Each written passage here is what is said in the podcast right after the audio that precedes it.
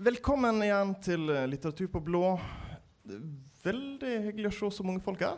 Jeg var, når jeg sto opp i dag, så var jeg veldig glad for at det regna da, og ikke, ikke nå. Vi eh, skal diskutere ei en side av litteraturen som vi iallfall ikke på Litteratur på blå har tatt opp i høst. Prosessen fra idé eh, til forlag, alt arbeidet rundt til bok. Jeg satser på at de har en del interessant å si om uh, også arbeidet før den kommer til, uh, kommer til det punktet at det blir antatt. Og vi har fått med det, det, det Aschehoug-stert her i dag. Det er egentlig veldig bevisst. Vi har uh, Øyvind Farå. Vi har Johan Mjønes. Og vi har ÅS Hermansen. Atle Sperr Hermansen. Uh, disse to har begge to gått på Aschehoug sin forfatterskole. Johan er nå lærer der. Og de kom ut henholdsvis i uh, år og i fjor med eh, bøkene 'Terminalhastighet' og 'Vikariatet'. jeg tenkte vi skulle starte med en kort opplesning fra begge to. Og vi kan starte med Johan. Ja. Skal vi se. Høres det greit ut? Ja. Da skal jeg lese et lite parti som jeg ikke har lest før. Høyt, altså. Det er en vesensforskjell. uh, Oslo 2007, sensommer. Mor di kommer på besøk, og du står med hodet i vaskebøtta.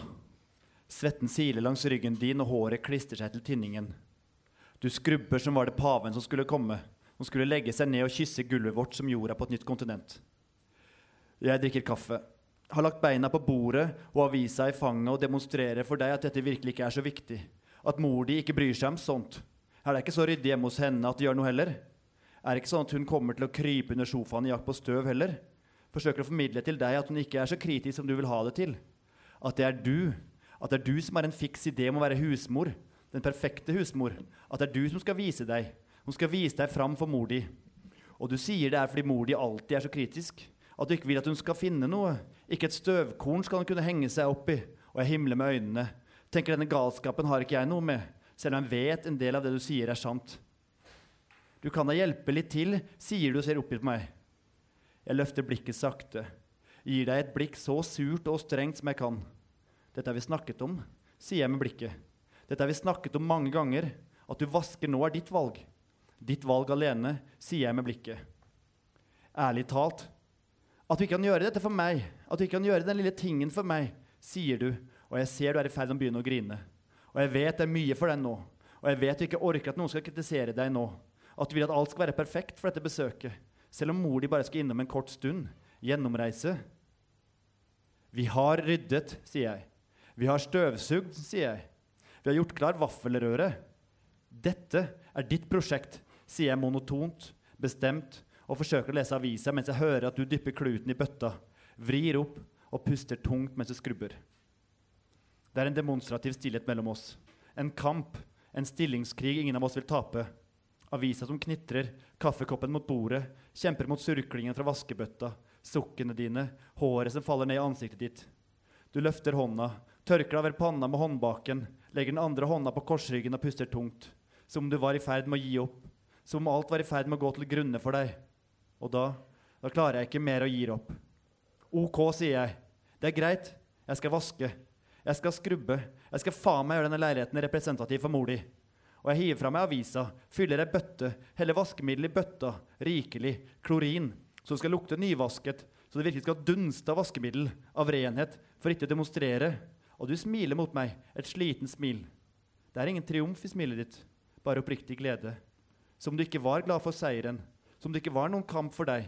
Det var ingen stillingskrig, og jeg får plutselig så dårlig samvittighet. Takk, sier du og smiler kjærlighet til meg før du går for å skifte vann. Jeg legger meg ned på knærne, og idet jeg løfter kluten opp fra bøtta, kjenner vannet som er i overkant varmt for hendene mine, kjenner lukta av vaskemiddel slå opp fra bøtta, kommer mor di inn døra. Og du kommer akkurat inn fra kjøkkenet, uten vaskebøtta, og du ser ned på meg som ligger på alle fire med vaskekluten i hånda, og jeg ser opp på deg, og vi ser begge på mor di som kommer for tidlig, altfor tidlig, og mor di ser på meg, mor di ser på deg, og det er som alt står stille et ørlite sekund. Og vi vet begge to hva som kommer til å komme. Du har kontroll på mannen din, sier jeg, sier mor di og gliser frekt mot deg. Jeg har ikke vasket noe, skynder jeg meg å si. Det var Ja da, sier mor di. Ja da. Du har alltid vært flink, du. Det er en flink mann du har fått deg, sier mor di til deg. Rettet mot deg. Det blir ikke noe problem for deg å få barn, sier mor di. Du som er en sånn mann til å hjelpe deg. Ja, ikke at det er noe jeg har noe med, altså. Om dere skal få barn, mener jeg, sier mor di og henger opp jakka si. Mor di har vært innafor døra i noen få sekunder, minutter, og i løpet av denne korte stunden med disse små orda har du allerede vært her altfor lenge.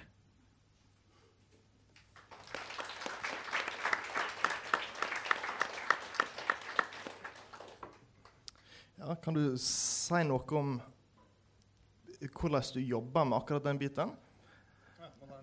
Sånn. Um, det, her, det parti her var uh, egentlig lagd med det for øye å gjøre hovedpersonen litt uh, sympatisk et øyeblikk. For uh, gjennomgående i teksten så er han ganske usympatisk og selvopptatt og ja, jeg skal ikke si en drittsekk, for han har sine årsaker til å være som han er. Han er men han er, han er, feig og redd, og, og mot kjæresten så er han ganske usympatisk. Uh, og så følte jeg at Det ble veldig ensidig og ville ha i hvert fall en liten, et lite parti hvor han, uh, hvor han forsøker. Det, det, er et par partier til hvor han forsøker. da. Men her forsøker han oppriktig å gjøre noe bra. Han skal hjelpe henne sånn at hun kan få den seieren det vil være å ha en ren leilighet når mora kommer. Og så går det dårlig, da. Det òg. Sånn at det, her var et parti som ble lagd med et helt sånn konkret mål om å endre karakteren. Og da var vi kommet langt inn i prosessen med boka. Da var det nesten uh, nærma seg ferdigstilling. Jeg ville ha med et lite parti, og da Jeg vet ikke helt hvor det bildet kom fra, men jeg, jeg så for meg bare at, at, at han sto på kne med vaskebøtta, og så, og så kom mora inn. Det var det som var utgangspunktet, og så bygde jeg ut derfra, da. Um, og da jeg vet ikke, da, da, begynner jeg bare med det, og så skrev jeg nok slutten først. Uh, hvor, hvor, jeg begynte å skrive om uh, at han ligger der med, med, med, såpe på hendene, og sånt, og hun som kommer inn. Og så, og så prøver jeg å skape da, en, en, situasjon som på en måte rettferdiggjør uh, at dette blir resultatet. da. Det begynner, begynner, med slutten, og så jobber jeg meg til starten. Altså baklengs, rett og slett var du på det tidspunktet kommet til et punkt der teksten egentlig hadde satt seg så godt at det var litt vanskelig å komme seg ut av det? Nei, men jeg eh, syns nok kanskje at karakteren, hovedpersonen her, hadde gått seg litt inn i et spor. Eller, eller jeg hadde kjørt den for langt inn i det, det usympatiske. For han driver i denne prosessen altså driver han og overtaler samboeren sin til å ta en abort. Eh, noe som ikke er så veldig hyggelig å gjøre. Um, og da, da, ville jeg på en måte vise at, uh, at uh, han hadde en annen side òg, sjøl om det ikke, ikke kommer så veldig tydelig fram gjennom boka. Så, så var det viktig det. Og, og, jeg følte ikke at teksten hadde satt seg ennå, men, men uh, jeg visste, visste, hva slags type hovedperson var veldig godt. Og da ville jeg vise fram litt flere sider ved han. Da tror jeg vi skal la Atle spille, spille litt. Vi får en kort lesing også fra vikariatet. Takk. Um, jeg skal også lese noe som Johan ikke har lest før. Uh, jeg begynner på begynnelsen. Det er litt kryptisk, men uh, sånn er det bare. Arbeidsbeskrivelse. Uten forhåndsvisning opptrer Met en visjon. Visjonen adresserer vårt fokus. Visjonen er geometriske figurer, rektangler. De opptrer på rekke eller rutenett. De opptrer i et datterselskap av mørke, og det er uklart hva som opptrer. Vi er i møterom forvirring. Rektanglene beveger seg i tiltagende momentum. Så blir presentasjonen klarere. De er kontorbygninger. Kontorbygninger som reiser seg, veldige mot den atmosfæriske foringen. Momentet stadig økende, hundrevis av vinduer langs sidene. Åtte etasjer og grunnmur drar seg opp fra asfalten. Vinduene blinker, så blir de mørke. Kulepenner faller fra skrivebordene. Et lysstoffrør løsner. Så går det hurtigere, og dørene blir vrengt av haspene, og hvite kopimaskiner raser gjennom gangene, skjærer opp parketten. Murstein løsner fra fasaden, inventar bankes mot inventar og knuses mot vegger, og i kjellerne faller arkivene sammen, og tar så høyt splintrer en rasende overreddet vindu, glassbitene snøkrystaller i luften danner flagellumhale bak. Deretter de omkringliggende bygningene, oppildnet av den første, skyver seg opp på strukturforsterkende sidefløyer. Veggene spenner seg, heisene pumper i ekspanderende heissjakter. Bygning etter bygning, noen av dem kvartaler lange. Langs Fridtjof Nansens gate, rundt svingen i Roald Amundsens gate, innover Olav 5.s gate, opp Håkon 7.s gate, ned Dronning Mauds gate, administrasjonssentra, butikker med fasadeutstillinger, betonggrå gipsbuss, grønn pleksiglassfasadeskjerming, stavekontrollrød kalkbuss, glassfiberarmerte betongplater, koksgrå fasadestein, snart den hvite marmorfasaden på Konserthuset i Vika, den røde mursteinen i rådhuset, over horisonten, looming over bygatene, etterlater seg trapper, tomme der de har stått, går sakte, seigt, som om de svaier i vinden. Visjonen er en knutepunktspresentasjon, og vi kan ikke se vekk. Vi er i avdeling ærefrykt. Våre lysreseptorer åpnes som øyelokk. Ved visjonens endelikt ser vi det. Vårt fokus har fraksjonert. Vi beskuer fraksjonen, oss og det andre, alt det andre. Blant de andre er det onsdag som alltid, og humanressursene flommer inn dørene. De trekker inn kortene, og vi eter medgått arbeidstid og sykt barn hjemme. Kortene skiller identiteter og skjebner, adderer og dividerer. Lydene er et langsomt brøl etter timer i taushet, harde såler mot parkett, telefoner, hilsningsritualer, dører som åpnes, lukkes, vent litt, varmes opp, lyser i alle celler, kaffeautomaten serverer. Ja. Okay. Takk for det. Det er jo en av, vel en av delene i tekstene som kanskje går kjappest. ja. Nei, du um, En har Sorry. Uh, ja. ja. da. Ja. Uh, jeg, kan, jeg, kan, snakke, og så kan du avbryte meg. Stopp ja. meg. Uh, stopp meg. Sorry. Dette er, dette er kontoret som snakker her til å begynne med. Uh, forhåpentligvis da, så, så, er det noe som er påfallende her, og det er stemmen, og så er det liksom perspektivet på fortelleren. Um, jeg vil da snakke ut fra en forteller som var et kontor, som både er en slags legemliggjøring av ideen kontor, og som er liksom kontorets essens, og, og det fysiske kontoret. Så jeg, så jeg, brukte veldig mye tid på å finne, lage de si, metafysiske reglene for hvem kontoret er, hva det kan, og hva det, hva det sanser, og hvordan det sanser. Eh, ja, jeg håper at det, man kan få det, en idé om det da, når man, man ser hvordan det tar inn eh, timer og fotsåler og kaffelukt. Um, og så, og så ok, Når jeg nå har etablert da, et ikke-organisk entitet som forteller, så dukker veldig fort det problemet opp med, med hva er det denne vil? Hva er det, hva er det et kontor ønsker seg i verden? Og Det er, det er sånn et teknisk spørsmål ikke sant, som man alltid må stille teksten. Da. Og Derfor la jeg da at kontoret har hatt en drøm. Og Det, er, det tar liksom tid før den får prosessert det, den skjønner hva det dreier seg om.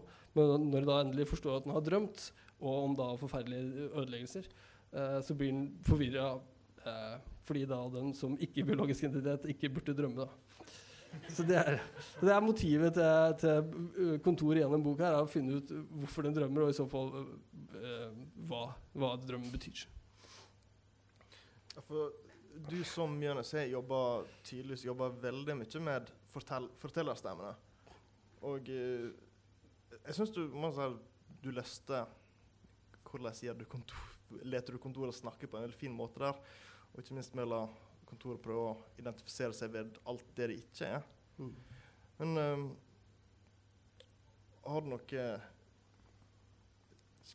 har du, har du noen andre oppfatning av hva som var mer vanskelig med det, i tillegg til det du snakker om? Er det hvordan, hvordan, ble, hvordan ble corporate speaken din møtt i forlaget?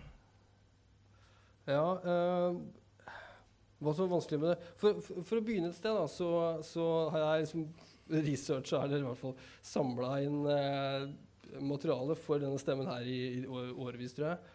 Og jeg samla på sånn, sånn reklame og, og management eh, og, og uh, invitasjoner til, uh, til gruppe ja, sånne happenings. Uh, alt mulig sånn som har med new management, med reklame og, og sånn kontorrekvisita å gjøre. da. Det hadde jeg noen bæreposer her hjemme. Uh, Og så måtte jeg liksom omdanne det til en, til en stemme, da, altså ved å inkorporere masse sånne tekniske eh, termer og, og sånn dårlig norsk. uh, anglofisering er, sånn, det er viktig, det er viktig kontorgrep. Um, og så um, ja, du ble, for Forlaget, redaktøren min, var liksom begeistra for den stemmen til å begynne med, tror jeg. Uh, tror jeg. Så vidt jeg kan huske. Uh, men nå mista jeg tråden. Hva er det? Eh, Når du sier forlaget i begynnelsen var begeistra, ga det seg nok etter hvert? Nei da, nei, det er sant. Altså, aller første gangen jeg leverte det manuset her, så var det et, et 300 og et eller annet siders beist uten hode og hale. Og det hadde ikke med den kontorstammen. Og jeg, det ble sendt til en, en, eh, en, konsulent, en ekstern konsulent som bare hata det. Og som sa det var helt, Hvis du kutter ut 90% av det, sånn, så er det fortsatt for jævlig mye å lese. uh, og det var jo moro, da. Uh, og så et, Det var en eller annen gang etter det da, som jeg, jeg tenkte at ok, jeg må vel ta litt mer grep da, og lage en fortelling av det. Uh, ikke bare sutring om å jobbe på kontor. Så, um, så jeg, opp, som jeg lagde denne kontorstemmen. Da, fordi jeg hadde alt det her materialet som jeg liksom måtte prøve å bruke på noen måte. Uh, og det var først jeg gjorde det, og det, det ble liksom en, en, dialog mellom to forskjellige stemmer og to forskjellige perspektiver. En som er på bånn av kontorverdenen, og en som, som flyter over og veit alt. Eller, så, så ble det liksom en dynamikk der, en spenning, og det ble også noen, sånn, uh, noen rammer som jeg kunne forholde meg til. Da. Og da, da, fra da av så var forlaget interessert. Ja. Du ønsker å ta fram far òg. Du uh, var redaktør for Mjønesin. Uh, så det er kanskje den du har mest å si i forhold til. Men jeg lurer også på Det får en et vell av ulike typer tekster. Disse to er jo vist at forfatterskolen fører ikke til at en alle skriver samme type tekst. Kan du med utgangspunkt i det de to har lest, si litt mer om redaktørgjerninga? Eh, nå var jeg Nå leste var jeg faktisk medredaktør på boka til Atle også, så jeg kjenner jo begge, begge bøkene. Uh, men um, Nei, det er det som uh, det handler om å være redaktør. Det er at man stilles overfor helt forskjellige tekster hele tiden. Og vi kan ha masse hva skal jeg si, teoretiske tilnærmelser og fine begreper og, og eksamener fra litteratur. Og, men um, det det handler om, det er vel uh, altså Det er ett uh, altså det er, tror er ett uh, et begrep kanskje vi bruker mye, da, som gjør at vi ser at det er noe som kan bli til noe, så er det vel akkurat dette at det er en, eh, det er en stemme i, i, i, teksten. Enten det nå er en, eh, en slik eh, En tenkt slags sånn materialisert kontorånd som det er snakk om i, i verket til Atle Sperre Hermansen, eller om det er denne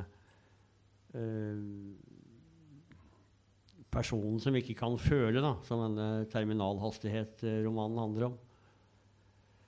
Um, ja. Det er det er viktigste, vil jeg si. Og kanskje alle, en, ting til som vi er ute etter, er å vel, altså vi snakker jo om prosa her nå, vi snakker ikke om lyrikk. Det er, altså det er prosatekster vi snakker, uh, driver mest med. Romaner.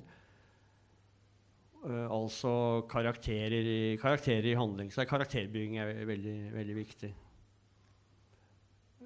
Det er vel det vi kan si, si, er felles for alle, alle, tekstene vi er borti. Da. Jeg vet ikke om det var noe svar på spørsmålet men det var kanskje noe. Skulle si, eh, Hvordan var ditt første møte med redaktøren og forlaget? Ja, øh, hører dere meg? Ja, bra. Jeg, jeg hører ikke meg sjøl. Helt. Uh, jo, nei, jeg sendte inn uh, manuset uh, høsten 2006. Uh, og da fikk jeg en e-post etter hvert fra, fra Øyvind, som, uh, som uh, ville etter hvert diskutere nærmere arbeid og sånt. Og, og, så møttes vi og Øyvind hadde en del innspill og lurte på hvordan skrivinga skulle Hva jeg tenkte meg videre. og sånt, og så brukte vi to år på å diskutere fram og tilbake. og Flere, nei, flere konsulenter var inne, og det var mye fram og tilbake. og Jeg leverte jo en tekst som i motsetning til eh, Atle var bare noen og 70 sider. og Uh, ingenting var, var egentlig skrevet ut. Det var bare Jeg hadde veldig klart for meg hva det skulle bli. Men, uh, men etter å ha hatt tre eller fire møter med Øyvind, og Øyvind fortsatt ikke, ikke skjønte liksom hvor karakteren er Er han i Orkanger nå, eller er han, i New York? Og når, når drar han til New York? Og hva, hvem, hva heter han? Altså, da, skjønte jeg jeg måtte, da skjønte jeg at jeg måtte ta noen grep for å gjøre det litt uh, tydeligere.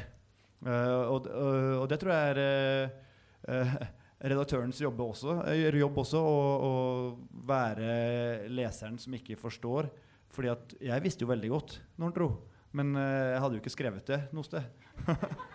så jeg skjønner jo at eh, det måtte jeg gjøre. Um, og så var det jo en, eh, en eh, Hovedsakelig så var det en utrolig lettelse å vite at det iallfall finnes ett menneske som tror at det her kan bli bok, som også da jobber med det. Uh, ikke bare venner eller bekjente som er programforplikta til å tro på en. Kunne du også legge ut litt om uh, det harde møtet med dine første lesere? Ja, ja uh, jeg gikk på, på den forfatterskolen til Aschehoug i 2007. Og um, så hadde jeg denne teksten liggende eh, men så, Forlagene har jo sånn policy på de tar jo helst bare imot ferdige manus. Som har en begynnelse, og midt og slutt.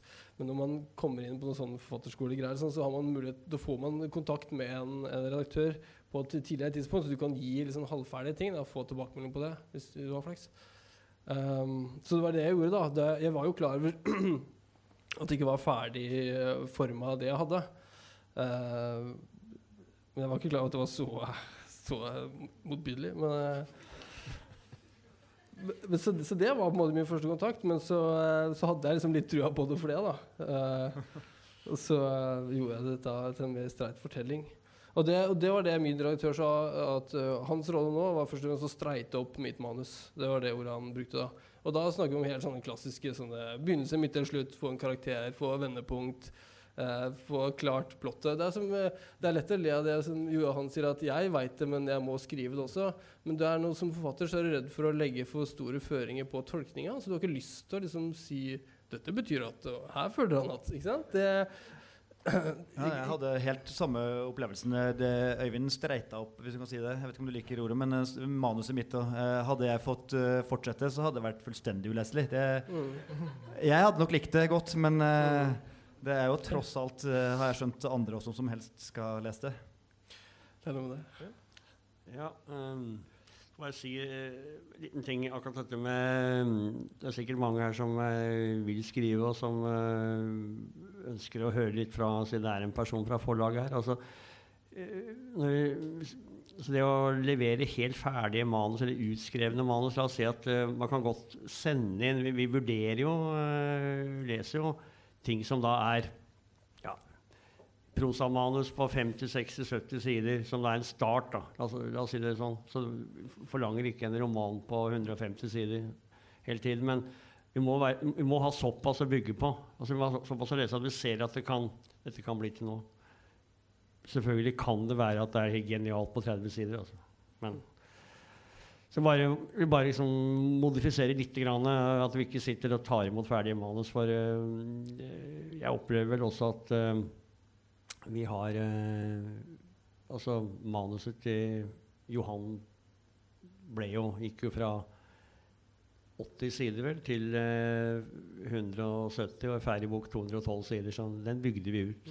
Ja, Det var egentlig bare en bort replikk. da. Ja, tok bort litt òg. Ja. Nei, men så det, er en, det er jo veldig fascinerende når man ser tilbake på det. Altså, hvordan eh, bøkene blir til. Nå har dere snakka altså litt om veldig gamle kriterier for litteratur. Altså, det er karakteroppbygging, og det er plott. Altså, virkelig til, tilbake til eh, begynnelse, midt og slutt. En, ehm, hvor, stor, hvor stor innvirkning hadde redaktørene deres på hvordan det faktisk ble? Mer enn å bare dytte det i den retninga. Uh, hvis jeg får si det på det, så, så starta jeg med en, eh, med en idé hvor en eh, person da hopper fra en høy bygning. Da visste jo ikke hvor, eller noe sånt. Og, og før han treffer bakken, så skal han innse at det å hoppe det var det dummeste han gjorde. Var liksom det, det var, eh, det, der begynte det. Eh, og da måtte jeg først finne en bygning som var høy nok. Og så måtte jeg finne ut hvorfor vedkommende var på den bygningen. Og så måtte jeg finne ut hvorfor den hoppa. Og så, og så, og så var det mye sånt. Og eh, i det forsøket på å skrive da rett og slett eh, det som skjer i løpet av da ni og et halvt sekund, som det ble i boka, så, så var det veldig bra for mitt vedkommende i hvert fall at det kom inn en person som kunne si at eh, her, her er det noe spennende. Her er det en eller annen ting som skjer. Her er noe som, som her, er, her er det en historie. Ehm, mer enn bare små fragmenter og, og biter og, og, og små sånne. Jeg hadde egentlig sett meg nærmest en sånn vegg med, med sånn polaroidbilder omtrent. Bare sånn kjappe tsk, tsk, tsk.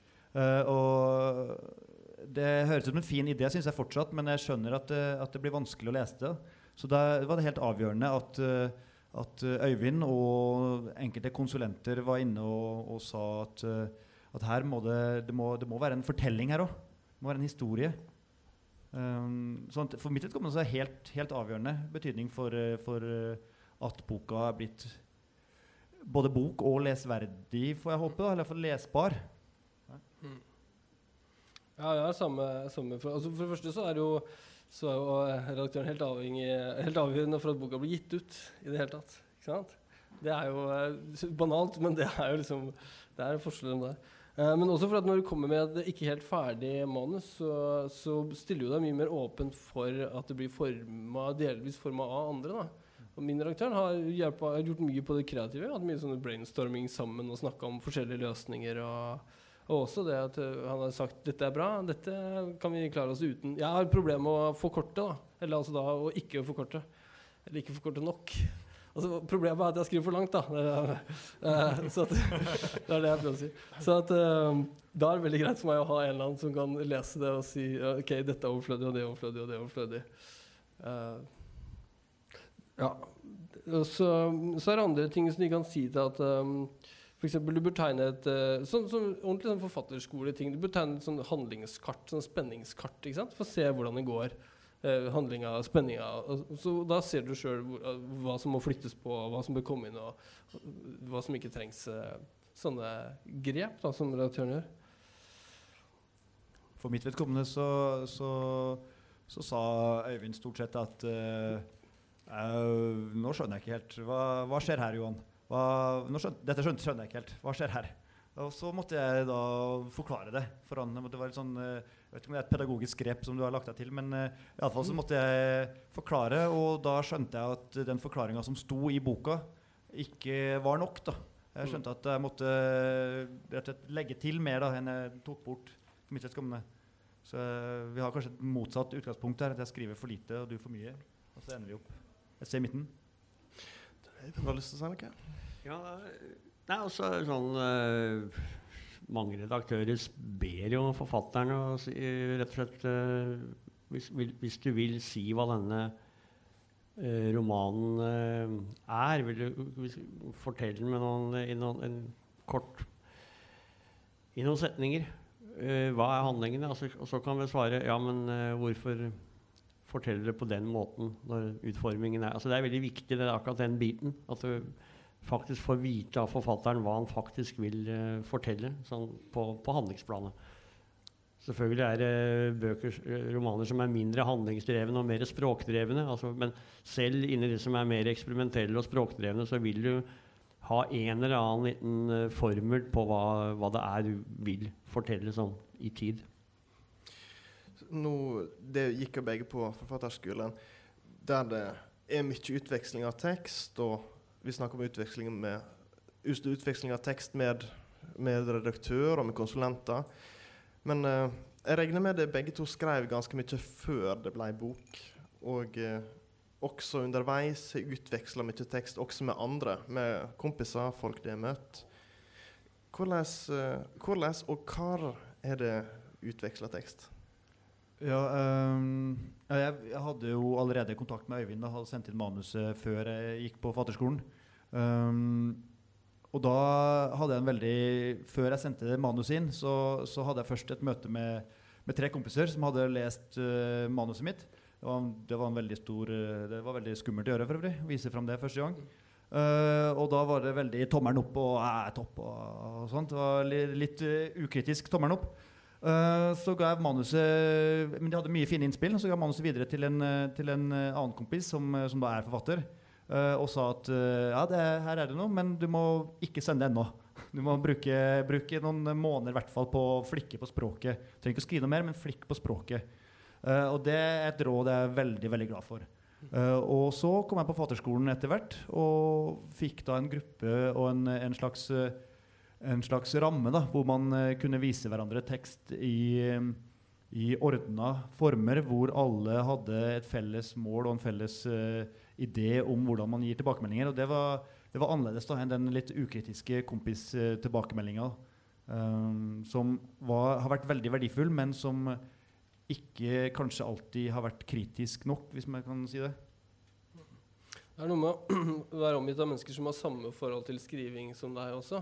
Som er utrolig, for det, det, har du sjelden, tror jeg, da, i kameratgjenger. Jeg har ikke hatt noe sånt Eh, rundt meg. Så det at, en ting er at det er ordna. De sier nå setter vi av 45 minutter til å gi tilbakemelding. Det får du aldri i sånne sosiale sammenhenger. Da blir det alltid mye løsere. Og, og, du får ikke svar på alt du vil vite. Og du kan ikke trakassere vennene dine. Ja, men si mer om Ikke sant?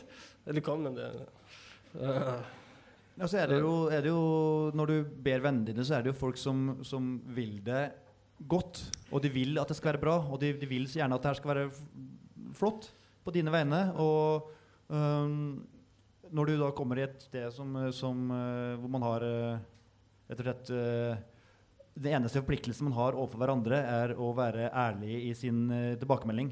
Fordi at det er det eneste som nytter. Så, så er det klart at da, da, da blir det en annen, annen sånn stemning rundt det. Og det kan være ganske hardt innimellom, kanskje.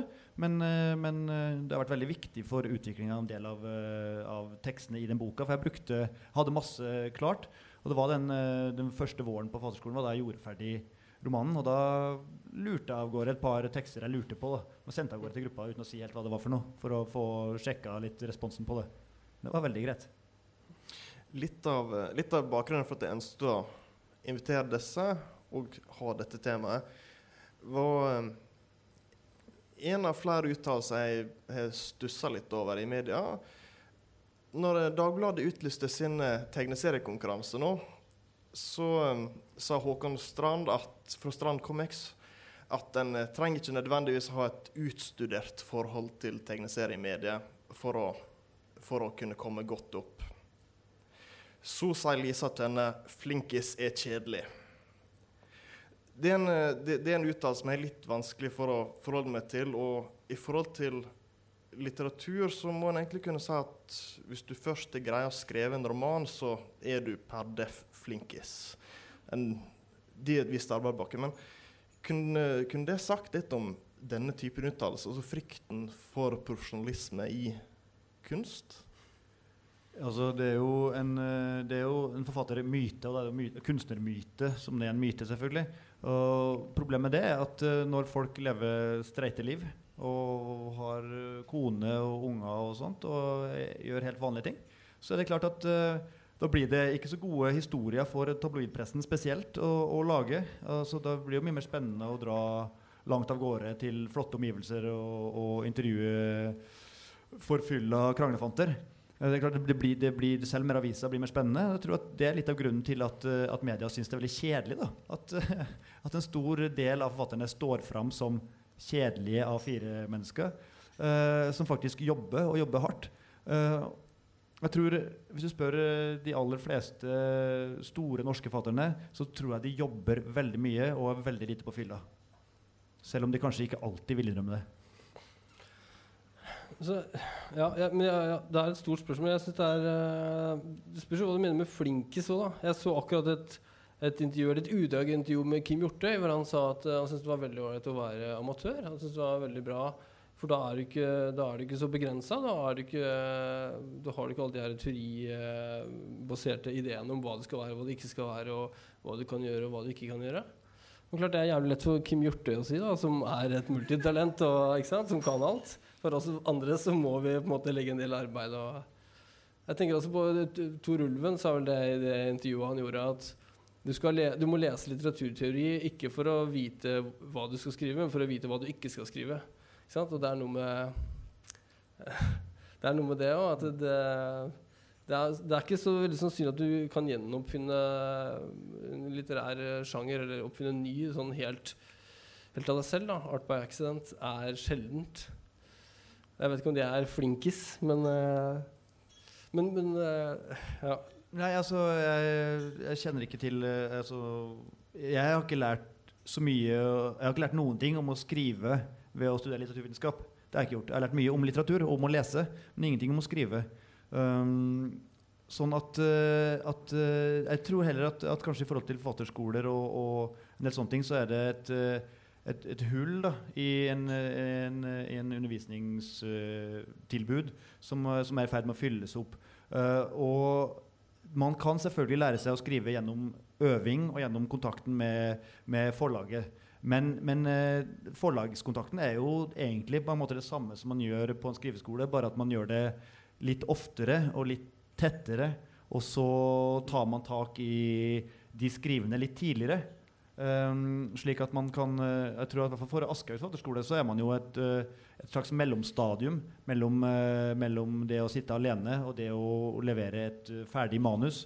Mens den selve tilbakemeldingsjobben og mye av den jobben vi gjør da, som, som er lærere, føler jeg at det er en blanding av det å være redaktør og konsulent og litt, litt lærer òg, men, men hovedsakelig er det teksttilbakemelding. Da, og, og styre tilbakemelding av tekst, slik at man måte, prøver å få noe konstruktivt ut av uh, skriveprosessen.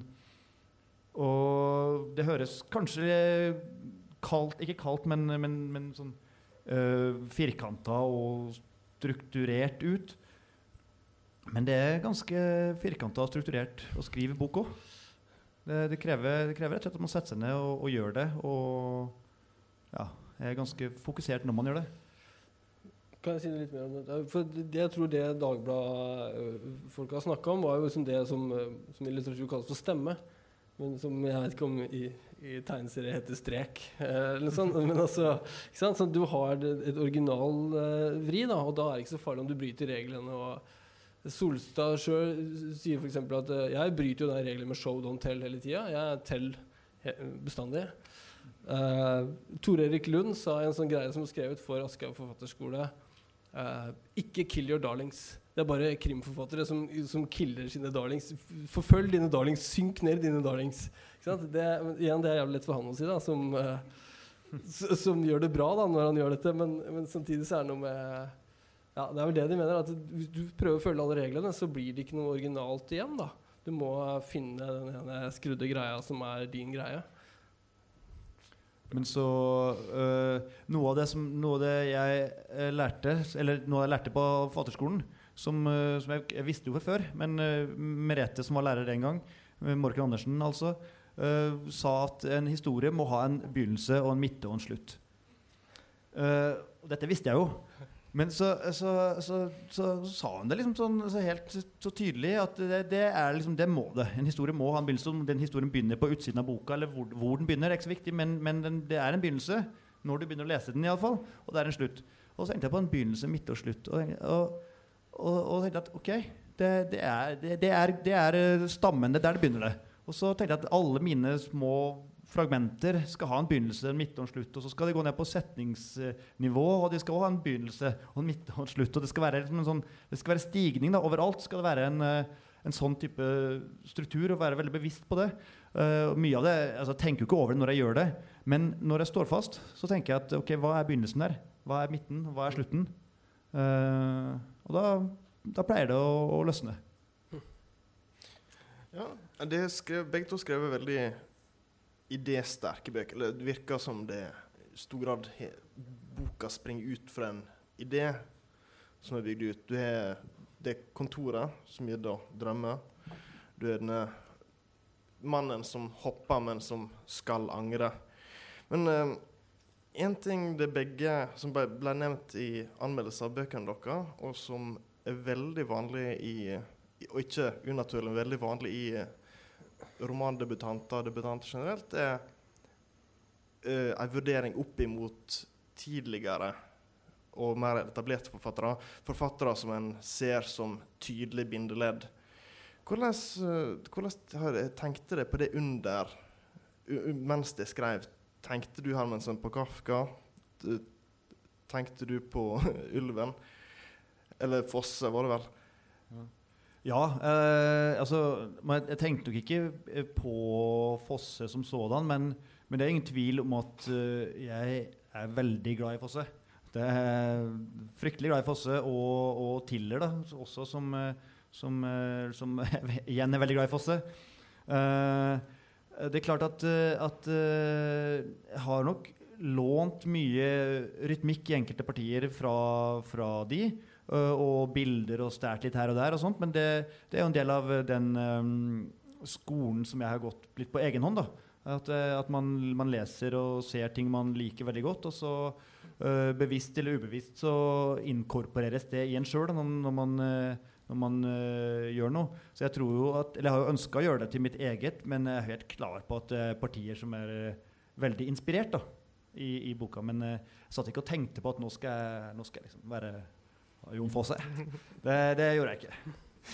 Det var kanskje mer, eh, mer tanken om en eh, litterær standard, litterært mål, som Ja, jeg syns jo at man skal Men mer enn egentlig Fosse og Tiller, så, så, er det, så er boka her, og det er det ingen som har tatt opp. Det er, det er egentlig en slags uh, tenkt som et tilsvar til, uh, til Hamsuns sult. Det var det som var tenkt, og midtveis i boka så tar han, tar han uh, båten fra, fra Oslo. Og der, det her er liksom stjålet åpningssetningen og, og siste setningen til, eh, til Sult og satt sammen i én setning.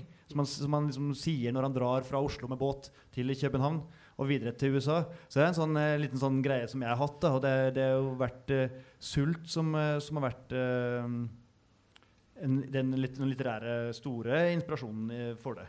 det, er det. Av en eller annen grunn så, ja, jeg har også tenkt mye på sult. Eh, Men det er sånn der når du skriver om å være ung i Oslo, så tenker du på sult. Ja, og så er det noe med det at, eh, at jeg tenker at det er det definitive debutverket. Selv om det nå riktignok ikke var hans eh, litterære debut, så var det like fullt det. på en måte. Det var hans litterære gjennombrudd. Han brukte vel åtte eller ti år på den boka. Eh, og det, jeg tenker at man må jo i all beskjedenhet uh, måle seg med, med sult på et eller annet vis. Som i hvert fall ung mannlig debutant så kan man jo gjerne mislykkes fullstendig, men man eh, må jo få lov til å prøve. En slags sultøvelse. En eller annen dansk litteraturkritiker som sa at alle nordmenn forsøker bare å skrive sult på nytt. Og det her tror jeg er riktig. Ja. Eh, Jeg tok med konsulentuttalelsene på mm, terminalhastighet, og der eh, var eh, konsulent nummer to eh, påpekte det, men det er kanskje ingen av anmelderne som eh, så det. Nei, Eh, ingen, eh, ingen, eh, ingen av de andre konsulentene heller. Nei, men det står her Uh, med sin selvhøytidelighet, sin selvrefsing, sine problemer med å holde på føde og sine angstanfall minner han ikke så lite om jeg-personen i sult. Og allusjonen blir enda tydeligere når han per båt forlater byen. Sitat ganske fint.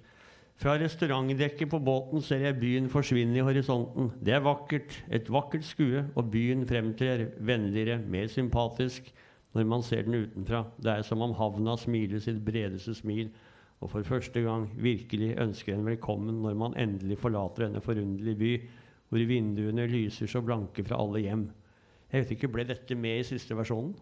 Eh, sikkert litt bearbeida, men, Ja. uh, men uh, ja, jeg tror det. Ja, men den ble oppfattet mm. av våre utmerkede konsulenter. Bare si det om konsulentene. Altså at, at de altså Det er veldig riktig som er, blitt sagt. Altså det, er, skummelt å lite på venner eller komme og si ja, jeg har, har noen, har med noen konsulentuttalelser her som sier sånn og sånn. Så det er klart at det der den tøffe jobben, da, verstingjobben som konsulentene har, det er å gå inn på teksten. og og da skal de også være anonyme. For- for- Forfatteren skal ikke vite hvem konsulenten er. Så det gir jo en beskyttelse både for forfatter og den som gjør den jobben. Så det er veldig viktig. Og selvfølgelig kan konsulenter ta feil. Altså, så det, de bestemmer ikke om en bok blir antatt eller ikke. Ønsker de å et, Vi har holdt på ganske lenge nå, faktisk. Ønsker de å ta noen siste kommentarer og innspill før vi tar en kort pause? Ja, ja, ja, kan jeg? Ja, du. For Vi har snakka om konsulenter og redaktører og hvor viktig redaktører er. og sånn, så en ting som man så, eh, situasjonen man plutselig er oppe i når man får mye tilbakemelding, er at eh, konsulenter og forskjellige redaktører liker forskjellige ting. Noen sier 'dette er flott, mer av det', andre sier bare 'æsj, få det vekk'. Og så, så ansvaret det blir jo til syvende og sist for den enkelte forfatter som må bare velge altså hvem man vil høre på, og hvem, eh, hva du vil utvikle videre. Eh, jeg bare synes Det er et viktig poeng å få med. For det er, også, det er, liksom, eh, det er vanskelig. da, Det er forvirrende. For disse konsulentene de bruker, er ofte veldig flinke folk som har veldig gode grunner til som begrunnelse til, til utdannelsen sin. da. Eh, men så må du bare sitte og ja, Du må liksom velge vekk hvem du, hvordan du vil gjøre det. Ja, jeg, jeg synes at eh, jeg har fått da tre konseptvalser fra Aschehoug på den boka. Og de to første var, var positive og, og strenge, men positive. Mens den siste husker jeg var, eh, var ganske sur. Og litt sånn eh, jeg synes Begge vi to skjønte ikke helt hva, hva det egentlig Jeg valgte egentlig å se bort fra den siste. Ja. Nei, men det gjør man ofte. Og da var vi kommet så langt at det liksom nærma seg slutten. på en måte Det var, det var, jeg synes det var veldig rart. Og da, da sa vi det, nei, det her det her driter vi i, og så går vi og kjørte videre. Skal vi eh, ta en ti minutts pause? Så vil jeg gjerne ha spørsmål fra salen etterpå. Jeg mistenker at det er en del her som både lurer på ting og som mener ting. Så ja, kvart over.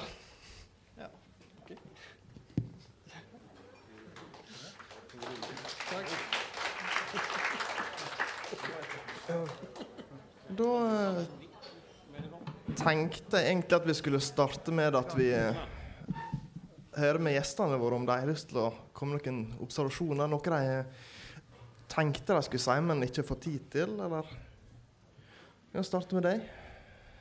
Ja, du. Å ja, nei. um, nei, vet du hva, Øyvind hadde et godt poeng i pausen. Kan ikke du gjenta det, Øyvind, om, eh, om å eh, være seg selv eh, Et eller annet. Være seg selv nok. ja, være seg selv nok, ja. Nei, jeg bare sa det at man skal jo ikke føye forlaget i alt og ett og alle rådene. For det kan risikere å bli en, hva skal jeg si, en fordobling av redaktøren. Uh, redaktøren har sine begrensninger, og selv om jeg sa noe om at vi har erfaring og har lest mye og har noen sånne generelle gode råd, så er det et eller annet med at forfatteren er den som skriver, og forfatteren er kunstneren og har visjonen om å tro på det han eller hun kommer med. Så, det, så jeg vil jo advare mot å gi opp uh, Gi opp sine egne ting for lett, da. selv om man fort kan overveldes av konsulentuttalelser og, og forlagets uh, trykk og autoritet. Var det noe sånt jeg sa, da? Det var sånn så det. Ja. Det hørtes veldig fornuftig ut, det. altså. Jeg- kan bare føye til noe der. Jeg hadde jo da en visjon da, som, eh, som, som opphavsmann bak dette verket, om at jeg ikke skulle ha noen egennavn, da, verken på karakterer, steder eller, eller noen ting. Uh, det var veldig sterkt for meg. Jeg ville ikke legge sånn føringer på det. Nå, uh, etter da Øyvind hadde lest det tror det tre ganger, og du hadde aldri bedt meg om å skrive det inn, men da du fortsatt lurte på, som jeg sa innledningsvis, hvor, hvor er han? Hva, hva, hvor, hvor skal han? Hva skjer? Hvor, hvor er han nå? Hvilke bygninger er dette? Så skjønte jeg at, eh, at eh, Jeg prøvde å holde på det lenge, men jeg skjønte at det her, det her må jeg bare gjøre noe med. Og Jeg er veldig glad for det, eh, men eh, jeg tror, man, tror det er viktig å prøve å finne den balansegangen sjøl, mellom eh, eh, ens opprinnelige visjon og hva som da faktisk er eh, mulig å levere til et publikum. For det er jo til syvende og sist uh, vesentlig da, at eh, det, er et, et mottakerapparat der et eller annet sted langt framme som man gjerne vil skal lese det. Ja, kan jeg bare føye til litt? grann? Altså, det er to måter å se på en redaktør på. Du kan se på en redaktør som en som eh, nærmest er, altså former boka veldig, og kan eh, er myter om redaktører som skriver bøker ferdig for forfatteren. Eh, og så har du den andre varianten, som jeg vil si mer er i slekt med plateinnspillingenes produsenter, og du skal, du skal løfte produktet. Og det er en veldig viktig jobb det der å gå inn og stille de helt enkle, banale spørsmålene og de tingene som du da nevnte i stad, Johan, som eh, Er du i New York eller er du på danskebåten? Eh, Hvor lenge var han i København? Er han, eh, er han i Borkanger, eller hvor er han? Så, sånne ting er faktisk Det er noen sånne tekniske sånne skjøter som du må ha med. For Vi snakka jo mye om eh, Eller bare om liksom, regelfølging og liksom oppbygning. da, ikke? Begynnelse, midtre, slutt, karakter, plott. Og det er sikkert noe liksom nerverende ved det. For alle som har lyst til å skrive, har lyst til å skrive noe som er originalt. Det er derfor du skriver. For du har lyst til å gjøre noe som ikke har blitt gjort før. Du har lyst til å lage en form. Jeg trodde jo jeg skulle skrive James Joyce, uh, Ulysses, uh, for 2000-tallet. Eh, men etter hvert som du får en del tilbakemeldinger, så ser du at det, det har du ikke klart. da, Det har du ikke gjort. Så du må, du må finne ut hva, hva du kan gjøre da, med stoffet ditt og med, med evnene dine sånn som de er nå. Eller med teknikken, eller hva jeg skal si. da? Det er, det er ikke nødvendigvis ja, det er ikke et nederlag å måtte ty til litt mer sånn tradisjonell romanstruktur, fordi til syvende og sist så vil jo helst bli lest. da, du så vi også snakka om i pausen, så, eh, så vil du jo ha boka di anmeldt, f.eks. Uh, så ja, jeg bare si det. Jeg husker at jeg hadde litt sånne eh, ideer om at ja, jeg, jeg, Der jeg bryter med eh, romanformen, så er det fordi jeg er en, eh, jeg, fordi jeg har oppfunnet en ny form, men det er veldig veldig sjelden sånn. altså De aller fleste må forholde seg til eh, hva som funker hos leseren. Er det noen i Ja, jeg, jeg husker jo det at du ville jo ikke kutte. Så jeg, jeg var, satt i stad og lurte på om Har du tenkt i ettertid på om du ville ha kuttet mer? Nei. Nei. Yes, nå snakker han om publikum. Det er publikum. Noen som har spørsmål eller kommentarer? Ja. Ja, nei, jeg lurte på, siden du ikke svarte så uttrykksfullt uh, Du altså Ja. eh, på tidspunktet, og ikke deg, nei. Nærmest. Ja, eh, ja, du sa det jo litt nå, at du ville være James men eh, hva hadde du lyst til å være? Ble du? Ja. Ja, nei, ja, ja, ja, men det er godt. Jeg svarte ikke på det, for at jeg i ettertid så har det er et par navn som har blitt nevnt sånn i anmeldelsene, fordi de også har skrevet om kontormiljøer. Da. Men jeg hadde, jeg hadde ingen inspirasjonskilder når det gjaldt form eller innhold. Eller, eh, jeg hadde bare mine egne kjedelige vikariater eh, å trekke fra. Og det er det liksom kjedelige svaret, da. Eh, ja. Jeg er. Jeg vet ikke. Ja. Ja. Et spørsmål til Johan. Jeg lurer på den bygningen i boka di er jo tilbygning. ikke sant? Eh, Var du redd for at det ble for å velge akkurat den? Eller hva tenkte du? Det var akkurat derfor jeg valgte den. Eh, jeg valgte den fordi at eh, For det første ble den bygd eh, påbegynt under depresjonen, som var et symbol på, liksom, på kampen i USA. At man klarte bygde noe. Var, det er et symbol på håp og kjærlighet. Og i 'Breakfast at Tiffany's' er de der, og i 'Sleepless in Seattle' er de der. Det- altså, det er en sånn, sånn signalbygd da, for, for romantikk og, og optimisme og tro på framtida. Så derfor så var det et poeng at uh, hovedpersonen skulle hoppe derfra. Ja. Og så er den høy, da. Så den er så høy at eh, vedkommende får reflektert litt på vei nedover. Det er jo vesentlig. Så er det Unnskyld. unnskyld så er det også Oi, den er vakker, da. Ikke sant? Ja. Den har det, det, Hva nå den stilen eh, heter. eh, Disse stempellignende saken på toppen. Og det er jo men det, det blir jo Det skaper jo da en sånn spenning i forhold til at det blir et åsted for et selvmord, da. Ikke sant? Som er en fryktelig ting. At det blir en sånn interessant eh, sånn selvmotsigelse i, i selve miljøet. Mm. Så sånn sett er det et veldig godt valg. Takk for det. Ja. Da du skrev boken sånn underveis i skriveprosessen og ikke var ferdig med hva som skulle skje, handlingen em, Eller den satte du kanskje først. Men eh, falt det noen gang fristelsen til å endre sånn at han ikke var så depressiv og alt ikke skulle gå til helvete, men at, han, at det skulle ordne seg, da? på? Nei, eh, det, det gjorde jeg ikke. Jeg falt aldri for fristelsen at det skulle ordne seg. Men, eh, men eh, det som sneik seg inn underveis, som jeg aldri hadde tenkt det, det ble en aborthistorie i det. Som jeg ikke hadde tenkt på eh, i begynnelsen, som, som lurte seg veldig inn. Og det, det er mye Øyvinds fortjeneste, faktisk, at den ble så framtredende. fordi jeg hadde skrevet en scene hvor det hintes vagt til at et barn er borte. Og så påpekte Øyvind at her er det noe som brenner. Her er det et eller annet viktig. Og så bygde alt seg rundt det der, og da ble karakteren mer interessant. Og da tenkte jeg et, altså, øh, Mot slutten av boka så er det jo et barn, da. øh, og mange tolker det på forskjellige måter. Men øh, der, er- der var jeg veldig usikker på forskjellige løsninger. Da, på hva som skulle skje med det barnet, og hvordan det skulle løses. Da. Men øh, øh, jeg aldri, hadde aldri noen tanker om at det skulle gå bra, nei. På noe vis. Det er vanskelig når man har starta med en hopper òg, selvfølgelig. Men eh, anmelderen, nei, en journalist i Adresseavisa mente at det var en veldig åpen slutt. da. At det var veldig åpent. eh, Og da kjente jeg at jeg, at jeg syntes det var egentlig veldig hyggelig. at han syntes det. Så jeg jatta veldig med på intervjuet. Så jeg syntes at det var, var fint. Boka som jo slutta null meter over bakken, null kilometer i timen. Sånn. Kort fortalt, ja. Kort fortalt. Noen Der var en. Spørsmål til deg, Johan. Eh, um, hvordan det er siden du har vært elev på førskolen sjøl og er lærer eh, og har vært den debutprosessen, da, hvordan du bruker det eventuelt som lærer på forfatterskolen? Um, det, jeg tar utgangspunkt i, tror jeg hovedsakelig det jeg var misfornøyd med sjøl da jeg gikk der. og så prøver jeg å gjøre det litt annerledes. Og så prøver jeg å gjøre det som Merete gjorde bra. Prøver jeg å fortsette. Og så er vi jo to som er lærere, så vi, vi gjør det jo sammen.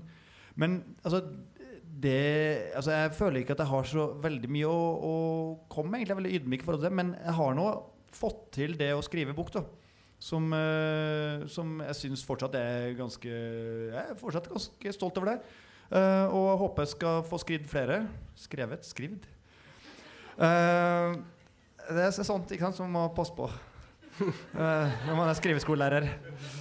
Um, og så Nei, det er jo bare en deling av erfaring. Prøve å legge til rette for at folk uh, kan jobbe med tekst i trygge og ålreite rammer og vite at man blir tatt seriøst og lest ordentlig og grundig. Og det tror jeg det legger mest prestisje i, å lese mye ordentlig. Ja, ja et spørsmål.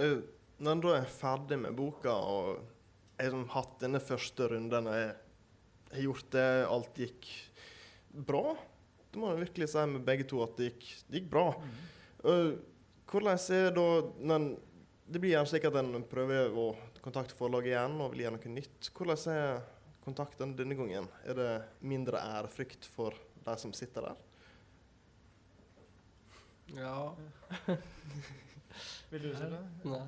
Um, ja, altså det, det Jeg syns at det er jo veld, en veldig stor forskjell var fra at jeg sto med helt fysisk eh, Ikke fysisk, det ble feil, men jeg sto med lua i hånda. Eh, metaforisk. Lua i hånda. Og, og en av mange med manuset mitt og ville gjerne få gitt ut denne boka her. Um, og det var jo en sånn Jeg måtte jo, måtte jo stå på og skrive og jobbe med det. Eh, og så etter at boka kom ut, og det har gått bra, og sånt, så, så får jeg liksom, nå får jeg telefoner fra Øyvind da, og sånn som lurer på Ja, når, når kan vi få et nytt manus fra deg? Og det er klart at Fra å være den som uh, maser om at dere må gi ut boka mi, så, så er det nå forlaget som, som ikke maser, men som høflig lurer på når får vi se noe mer. Kommer det noe mer snart? Og det er jo veldig hyggelig, syns jeg.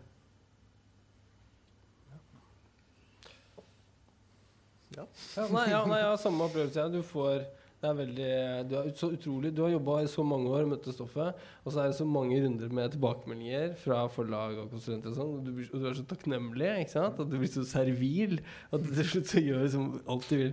På første boka, da. Og så, så kommer da, så snur det, og så begynner de å sånn Ja, når skal du se neste gang, og kan vi hjelpe deg med hva trenger du? Skal vi ordne barnevakt? til deg, eller? Og det er en veldig annerledes verden å være i, uh, som er ålreit. Mm.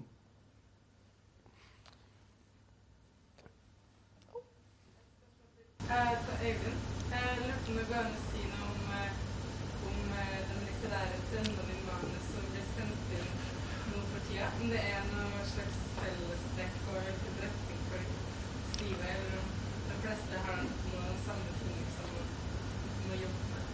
Jeg bare tenker på det begge to sa, at eh, man vet jo sjøl hva, hva det viser seg, og hva folk blir og sånn. Er det veldig vanlig? At folk ikke har vært tydelige? Altså, o- o- om det er noe fellestrekk og manus som sendes inn? Ja, det må du spørre om eh, som- som der trender og typer. Eh, Det vi får veldig mye inn av, og, eh, og stadig mer, det er jo krim. Det vet dere jo. Uh, og utover det skal vi se uh, eh, så Jeg må prøve å se på det som er i høst. Eh, det er ikke så lett å ta det der. For det, er, eh, man har litt begrenset eh, materiale å uttale seg på grunnlag av. Altså det jeg driver jo stort sett med det jeg har tid til å holde på med. da. Og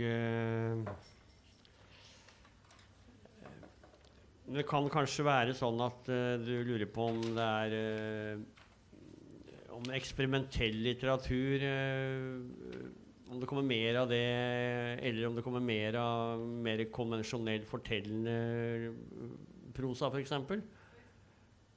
Uh, skal vi se Det er eh, Eh, kommer jo en del uh, Det kommer en del sånne ganske rå ting, da, sånn, uh, vil jeg påstå. Sånn, eh, av yngre forfattere. Går ganske eh, sånn ek, eh, ekstremt brutalt eh, ek, ja, Ekstreme skildringer i alle retninger. Altså det er uttrykks... hva skal vi si be, ganske ek ekstreme skildringer. Jeg vil se at det, det, det, kommer. Og altså at det er også en liksom, grenseoppgang mellom altså, Du kan få romaner fra ja, Handler om mobbing, råning eh, i eh, rusmiljø, eh, voldsmiljø. eh, For romaner som handler om eh, soldatenes virkelighet. Eh, altså reflekteres litt til det at vi har tropper i Afghanistan, leiesoldater. Så det er en del som, som reflekterer den tida vi er i, og det slår litt inn i hvordan folk skriver. Syns jeg kan merke det. Um, ja, altså Yngre, nye stemmer prøver jo, eh, prøver jo nyere uttrykk, da, men så er det kanskje også at filmuttrykket begynner å nærme seg når det kommer inn i, i, i prosatekstene. og Det merker du vel kanskje ut fra at de som uh, debuterer, debuterer nå, er, eh, eller vil se ut i ting nå, det er veldig vant med filmmedia, med videomedia. Er, eh, vant med å klippe ting skal gå kjapt. Så filmspråket preger måten de skriver på. Så det Ja. Det er noe der. Er det bra med de eh, Jeg syns det er spennende. Det er klart det er veldig bra. Ja. Og som vi snakket om her, eh, det var eh, en av mine forfattere som har gått på forfatterskolen, da, Jon. Kom med bok til våren. Jeg har vært på Lillehammer, så kom, begynte jeg å snakke litt om det at det er eh, folk som er inne i dramaturgi og filmutdanning, de begynner å skrive. Så det, så er fine eh, gjensidige påvirkninger mellom uttrykksformene. Har vi et nytt spørsmål her bak? Ja, jeg lurte på som debutanter eh, Følte du at du klarte det på første forsøk? Eller er det på en måte sånn her Ja, det var jo første forsøk som vi må prøve. Altså, Hvordan er den følelsen? Det er jo litt sånn at debutanter ofte er lovende. Eh, ja, Uh, jeg syns, jeg syns eh, at uh, det har blitt, i mine øyne, en god bok. Jeg ser nå at det er Jeg ser selvfølgelig at det er ting som, som er utprega debutant over den. Jeg trodde ikke det da, men jeg, jeg ser det nå, selvfølgelig.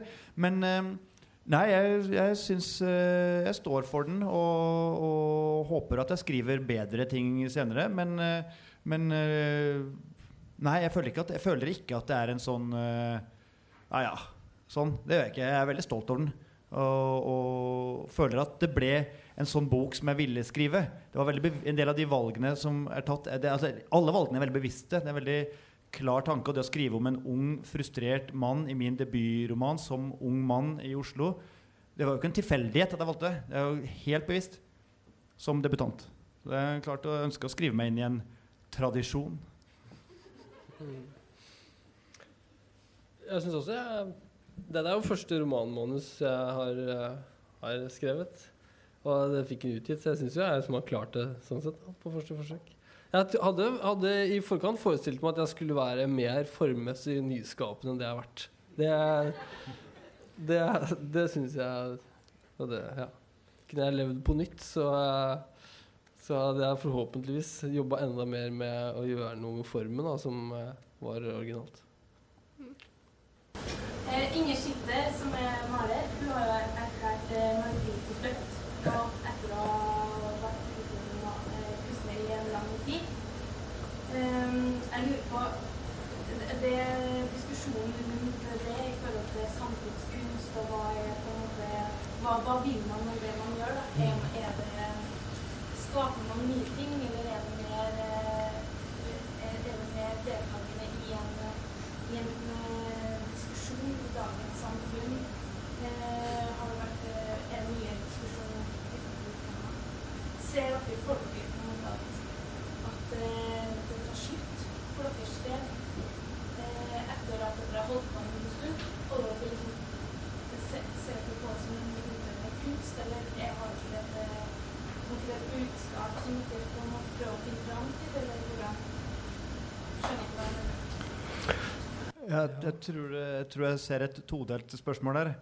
Um, Nei, bare, bare. um, i, forhold til, uh, I forhold til eh, kunstfeltet, litteratur, uh, roman som sjanger, så tror jeg at den Altså det å fortelle, da. Fortellingen uh, har jo vært med oss i mange Alltid. Så lenge det fins mennesker, så har det funnet også fortellinga. Og måter å gjøre det på. Og selvfølgelig så har man film og andre uttrykk som, som eh, kommer inn og forteller på andre måter. Men romanen, romanen eh, og det, skriv, det skrevne ord har, eh, har noen fordeler som andre kunstarter ikke har. Og jeg tror at vi kommer til å ha fortellinga skrevet i nærmest uoverskuelig framtid. Iallfall uoverskuelig, men ja, lenge. Eh, I forhold til, eh, til mitt eget så har jeg jo skrevet én bok, da, så det er litt tidlig. Men jeg, jeg håper å, skrive atskillig flere. Men jeg har flere fortellinger som jeg vil um, få tid til å skrive. Uh, og så får man se da litt hvordan det ligger an. Men jeg ser ikke for meg nå at jeg noen gang kommer til å uttrykke at romanen er død, sånn per se. Det tror jeg ikke. Nei, jeg, jeg, jeg tror Mendelssohn er han som heter skrev, skrevet 'Forsvinning'. Han er journalisten. Jeg tror det var han som sa at uh, romanen er død. Uh, folk vil ha en streit fortelling. Uh, romanen er gått så inn i post-postmodernismen at den, den gir ikke det lenger. Så det er biografien er det, er liksom, det er den nye romanen. For der, et liv er underlagt liksom, kausale føringer og, og med sånne klare begynnelse, midtel og slutt som romanen ikke lenger kan gi. Eh, og det er Faen, det er mulig det er sant. Jeg veit ikke. Uh, men altså, romanen er en veldig konservativ sjanger. Uh, de alle andre kunstformene har gått, gått ut i sånn meta-meta-perspektiv for lenge siden, og hvor de har løsrevet skjønnhet og sannhet og, og godhet. Ikke sant? Alt Romanen er ikke i nærheten av å være der billedkunsten, eller det som tidligere var kjent som billedkunsten, som nå er hva da, konseptkunsten eller sånn, er. da, ikke sant? En, tenk på Tenk på samtidsmusikken John Cages 433, som kom på 50-tallet, som er 4 minutter og 33 sekunder med stillhet. Det, dette er jo et stort liksom, eh, samtidsmusikalsk verk. En roman ekvivalent til det er jo 433 stier som er blanke. Ikke sant? Og da hadde litteraturen vært i nærheten av der billedkunsten er i dag. Og det, det jeg vet ikke, I, I don't see it. Jeg ikke det Jeg tror ikke det er veldig eh, verdifullt. da så jeg, jeg tror at eh, vi skal være glad for at, eh, for at det skrives mye litteratur som, som er populært, og som, som holder en Holder litteraturen litt tilbake. da Ellers så blir det et sånn avantgarde-prosjekt som eh, 2 av befolkningen er interessert i, og resten er, føler seg ukvalifisert til å følge med på. Man har jo, men man har jo hele tiden eh, disse avantgarde-prosjektene og sånt som, mm som foregår rundt omkring. Så da får man heller diskutere om det vi driver med, og fortelle ting, om det, om det da er uh, kunst eller kitsch eller uh, hva det er. Det får jo bli opp til andre å bedømme igjen. Men, uh, men det, det fins jo også de som, som gjør atskillig mer eksperimentelle ting enn enn oss. Selv om jeg tror begge vi to ønska å være mer eksperimentelle enn vi ble. Da har vi et spørsmål helt bakerst her, og da tror jeg vi nærmer oss å runde av. Nå kommer litt sent, så beklager hvis det er eh, ikke skivebom eller var tatt opp før. Men eh, det var snakk om at forlaget det er et, eh, det er et eh, lite som ikke alle kommer gjennom. For jeg, det er jo alternativt med sånn eh, selvpublisering og sånn Mm. som jo går an nå. For et spørsmål til panelet er det er det en, Dere har kommet gjennom det nåløyet som ikke har spørsmål med sånn med trygg og selv. Er det en bra ting, eller er det helt på jordet?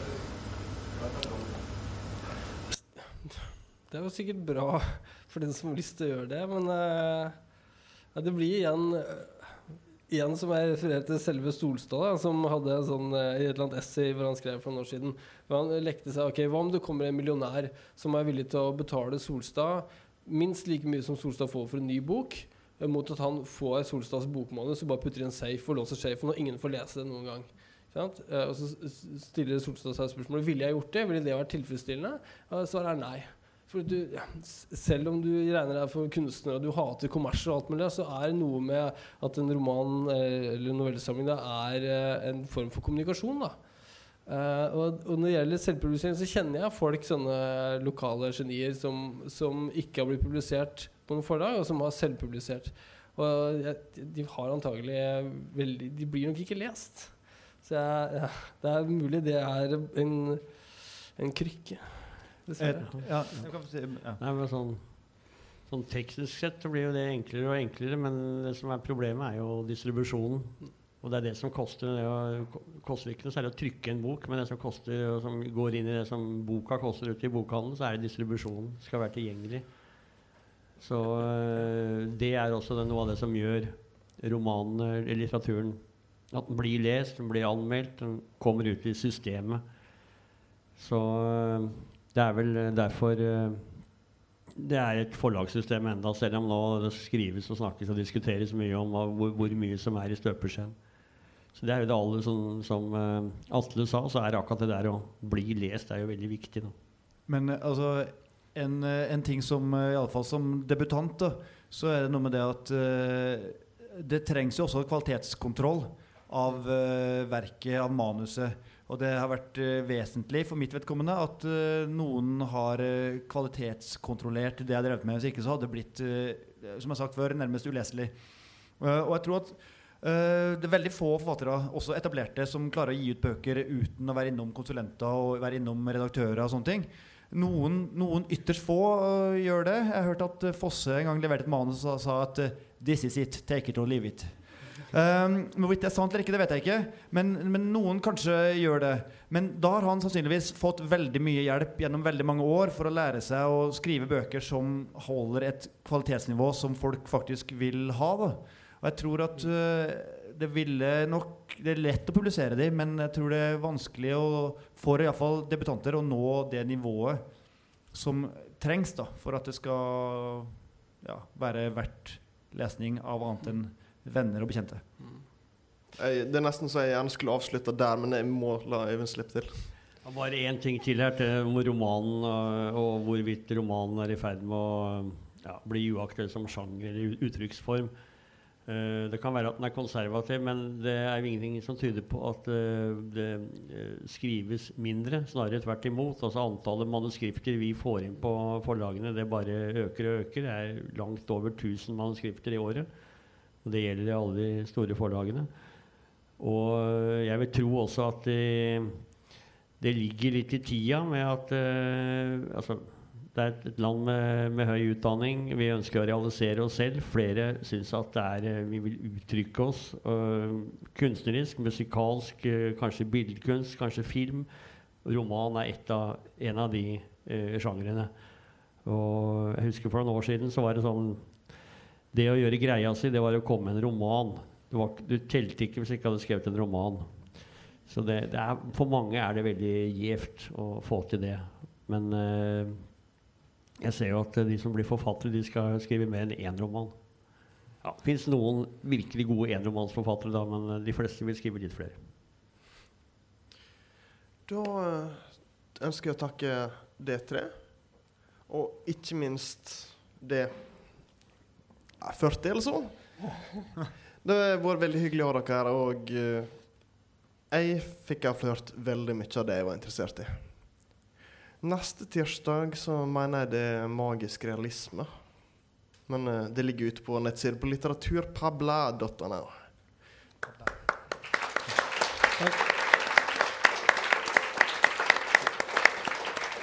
Hvis du har veldig lyst til å si noe, Johan, så kan du få lov til å si det nå. Hva sa du? Hvis du hadde veldig lyst til å si noe. Så. Nei, jeg var ferdig.